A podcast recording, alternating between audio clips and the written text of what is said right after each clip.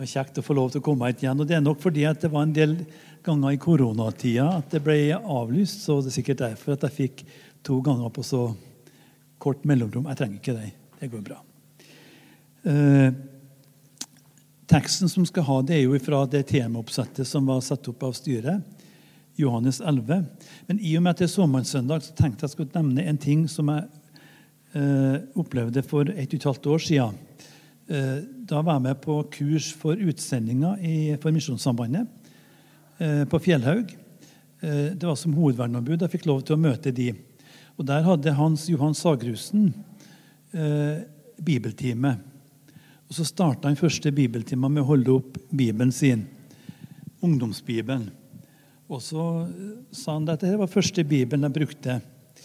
Og Her er det masse understrekt avsnitt i Bibelen. Og så sa Han det, for han har reist mye rundt i verden i forbindelse med oversettelsesarbeid sist. Samme hvor jeg kommer hen rundt i verden, så er det de samme bibelordene som er understrekt. Og så sa han litt om det der. Guds ord er universelt. Og Det er helt merkelig, både når det gjelder menneskelig nød og åndelig nød, hvordan det treffer oss uansett hvor, hvordan bakgrunnen vår er. Enten vi har vokst opp i Velstands-Norge eller i primitive forhold i Afrika. La oss ha tro på Guds ord, både for egen del og for vårt arbeid og de vi har rundt oss. Vær frimodig. Og så er det Guds ord som er det som samler oss i dag òg. Og temaet er ut ifra Johannes 11 Jesus er oppstandelsen og livet. I ungdommen når jeg gikk på skolen, så lærte jeg det når vi fikk eksamen, som det var litt tvetydige tema for. Så var det lurt å lage en emneforståelse før man gikk videre. Og Når du leser det som var satt opp som tema her, så kan du jo tenke på oppstandelsesbudskapet fra påskemorgen og det som skjedde da. Men det er jo ikke det som er poenget i Johannes 11. Det er jo det som Martha fikk oppleve i samtalen med Jesus, og som er viktig for oss å ha som perspektiv over livet. En seirende Jesus som kan, og som er nær, sjøl i de mest krevende situasjoner i livet. Så kan vi nok si at det er ikke noe spesielt kristelig det å takle krise godt. Det møter du folk som gjør overalt. Men som kristne har vi en spesiell mulighet, for vi har Jesus med. Vi får lov til å overlate oss til Han og med Han der vi er i livet. Vi skal lese litt sammen fra Johannes 11, fra vers 14 til 27.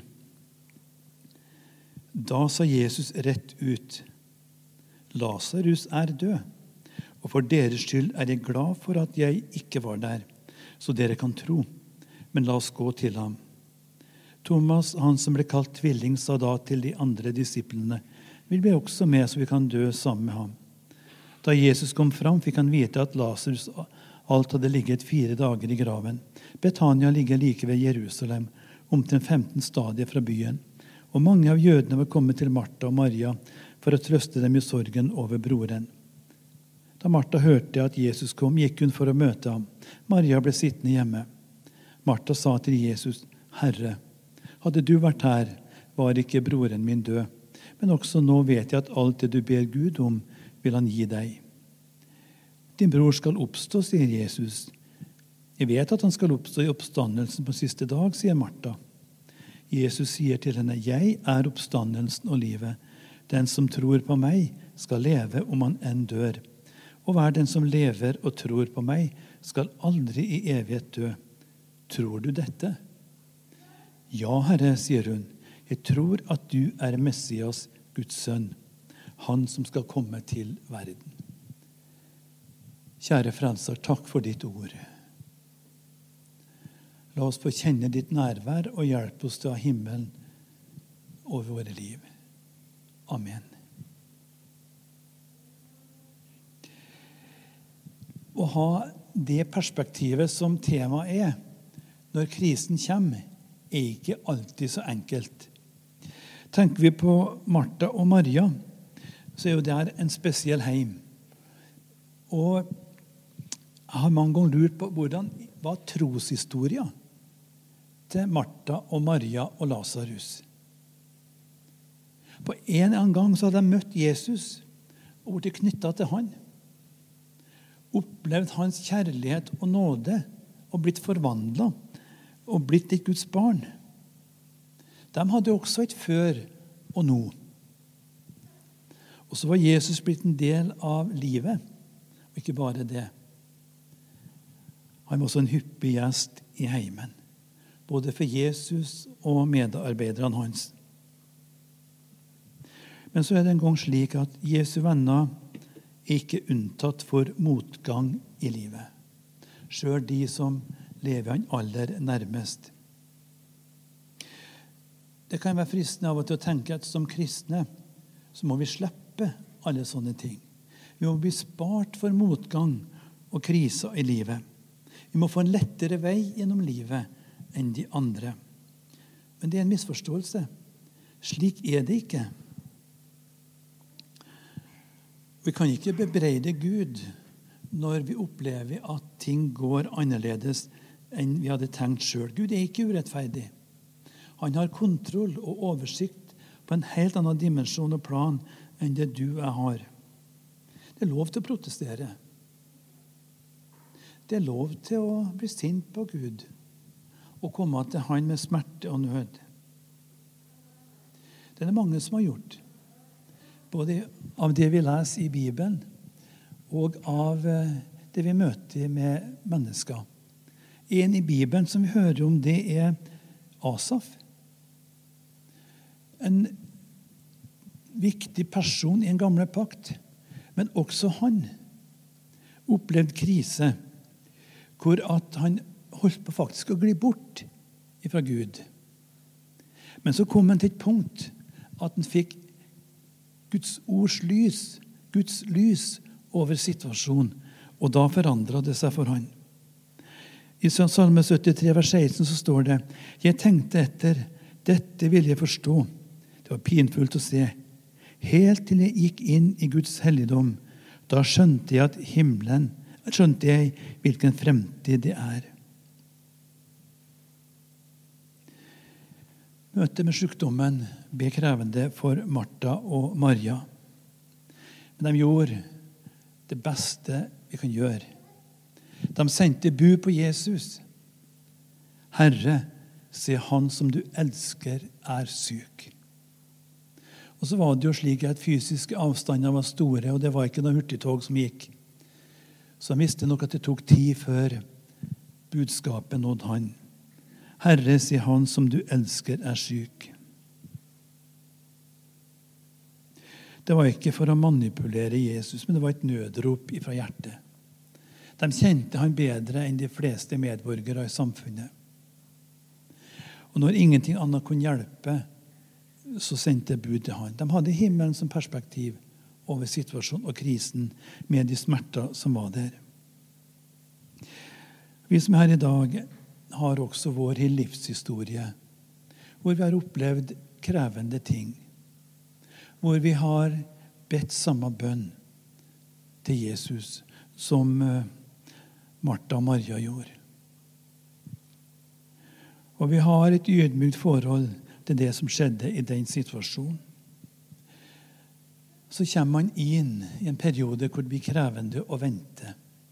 For ting går ikke så fort som vi så gjerne har ønska og ville sjøl.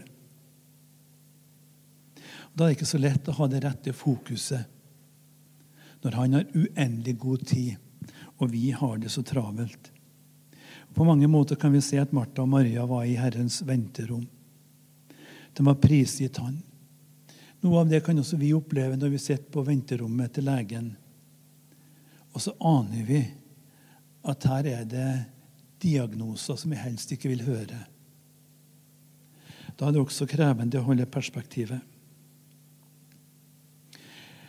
Så gikk tida, og håpet forsvant. Men så er det noe med det at det er Jesus som i sin kjærlighet bestemmer ventetida og lengden vi skal være der. Han har sin plan og sin oversikt. Han er den store legen. Han visste jo alt om Martha og Maria lenge før han fikk beskjeden fra disiplene. Men Jesus sa til dem denne sykdommen fører ikke til døden, men til Guds ære, for at ved den skal Guds sønn bli herliggjort. Så fikk de erfare noe av det som står i sangen av Trygve Bjerkreim. Det er svar underveis.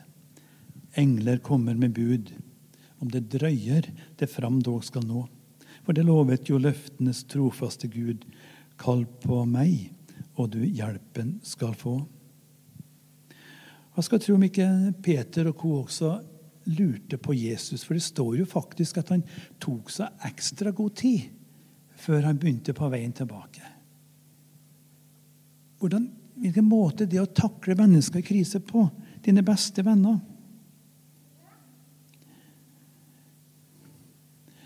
Det står noe om det å vente på Herren. Det er noe av det som vi lærer av i livet, som er krevende. Så det er lett å tenke da at når Jesus ikke møter opp som vi tenkte og ønska og ba om, så kommer han for seint. Og for Martha og Maria så var jo det mennesket sitt helt reelt. Lasarus har jo ligget flere dager i grava. Da er det ikke lett å ha himmelen som perspektiv og tenke på seiersbudskapet. Så møter vi først Martha, kommer til Jesus. 'Herre, hadde du vært her, var min bror ikke død.' Og Det har de nok snakka om flere dager i heimen, kanskje mange ganger. Hvorfor dryger du? Hvorfor kommer han ikke?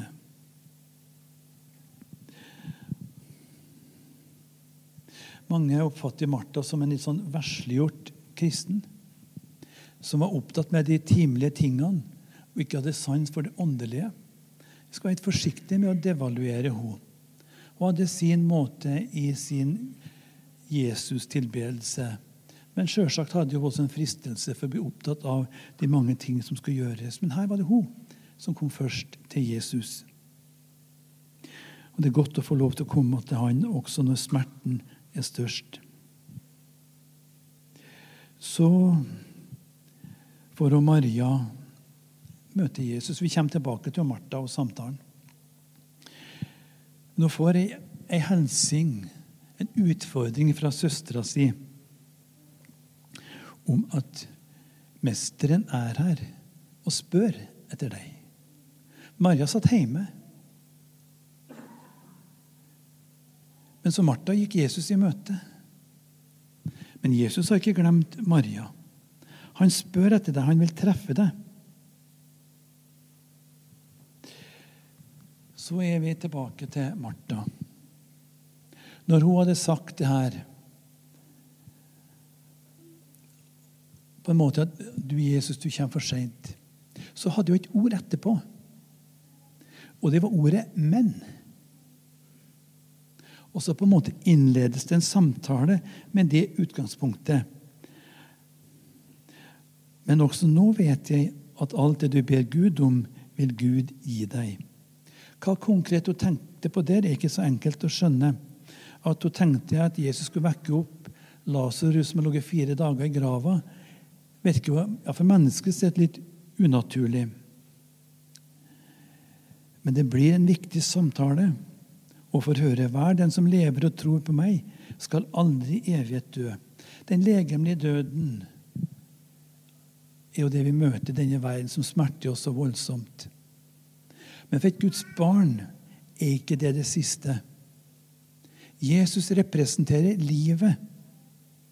De har fått opplevd det nye livet ved å møte Jesus og bli hans barn. Nå skulle de få oppleve også det å få ha denne dimensjonen over krisen. Jesus er fortsatt livets herre og mulighetens herre, nå når dere har det så vondt og så vanskelig.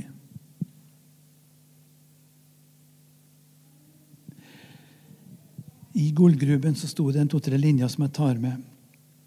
Det dype innholdet i Jesu ord er egentlig dette at den som hører han til, skal aldri dø. Det er jo ei å dø når livet følger med, er det sagt. En må gjerne spørre hvorfor kan ikke alle i denne dødens verden gripe dette ordet? Hvorfor er det ikke en sterkere tone av seier i oss som mener vi har tatt imot dette ordet? Så er det slik at veien gjennom hverdagen og verden for oss går i tro og tillit og avhengighet av Jesus. Det er det som gir den rette dimensjonen for oss. Vi er hjelpeløse, men har alltid Han. Det gjelder vårt gudsforhold, vårt åndelige liv. Og det gjelder også det som hører hverdagen og krisa til. Jeg er oppstandelsen og livet. Tro på meg. Så får eh, Martha høre av Jesus, 'Tror du dette?' Ja, Herre, sier hun. Jeg tror at du er Messias, Guds sønn, han som skal komme til verden. Det er litt av et vitnesbyrd. Og har forstått alt. Du er Messias, Guds sendebud, den salvede som har kommet for å berge meg.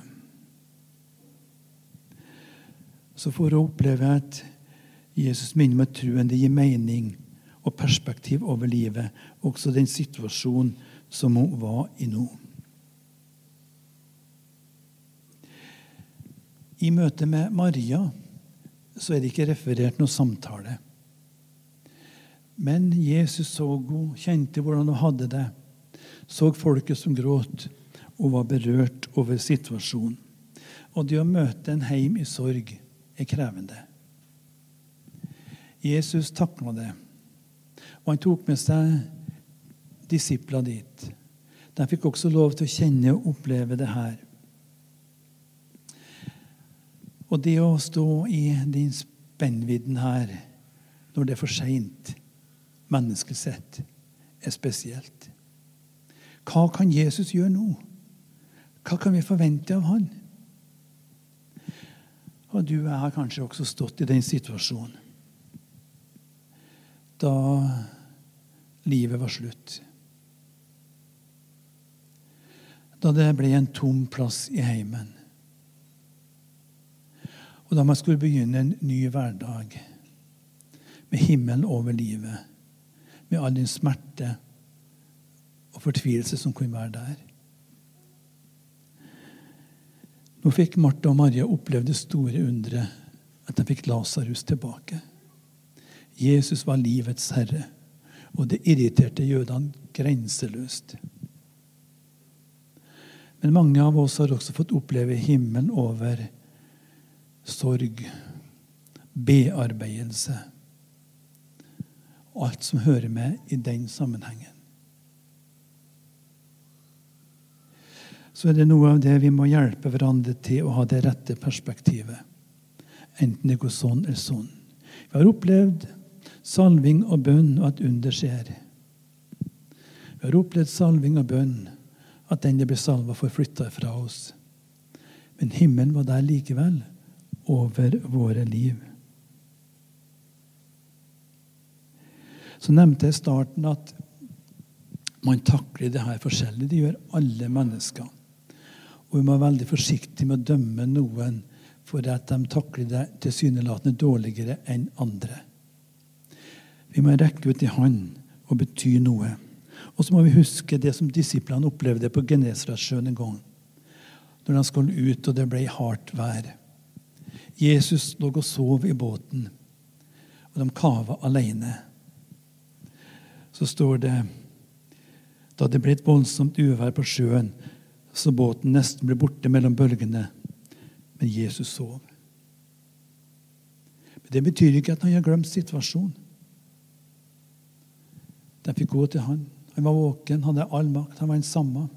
Jesus søv aldri på en sånn måte at han glemmer sine. Alltid har han fokuset på deg og meg. Uansett hvor vi er i livet. Men det er av og til at vi ikke ser han. Ja, kanskje ofte. Men det betyr ikke at han er borte. Som det står i en sang, skal båten min søkja, må han følge med. Men aldri skal Jesus og jeg søkka ned. Jesus er oppstandelsen og livet for deg og meg i dag. Jeg vet ikke hvordan du har det, du som er her. Kanskje har du en tung dag og tunge dager. Da er det vanskelig med det perspektivet. Finn en bror eller søster å snakke med. Sett ord på noe av det som smerter. Så kan du få noen å be med. Snakke med, få noen nye tanker. Og først og fremst og først av alt få møte Jesus.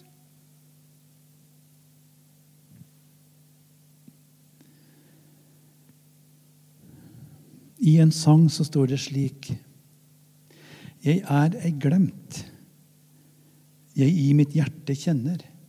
Det finnes en som meg i min minne bær. Når han er min, jeg kan unnvære venner, for han den beste iblant venner er. Han svikter ei når nødens time slår. Nei, nettopp da han nærmere meg står. Jeg er glemt når fienden meg plager, og listig legger for, meg, for min fot sitt garn. Min venn er med meg i de mørke dager, han seiret har for meg alle jordens barn. Og om jeg nevner blott hans dyre navn, jeg finner hjelp og hvile i hans favn.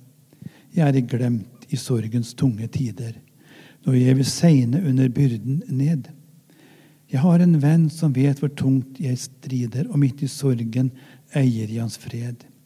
Sin styrke gir han meg på ny og vender blikket opp mot himmelen. Jeg er glemt når en gang jeg skal vandre den siste gang fra tidens kamp og nød. Min venn er hos meg selv når alle andre blir borte og det mørkner imot død. Og Jesus er det skjønne navn han bærer. Er han mitt liv, men død en vinning er. Og Jeg er så glad for det avsnittet i Bibelen som vi leste ifra. Jesu aller beste venner i dyp krise og får opplevd sjelesorg og hjelp og veiledning av Han. Slik er Jesus. Ingen er glemt. Han er oppstandelsen og livet. Amen.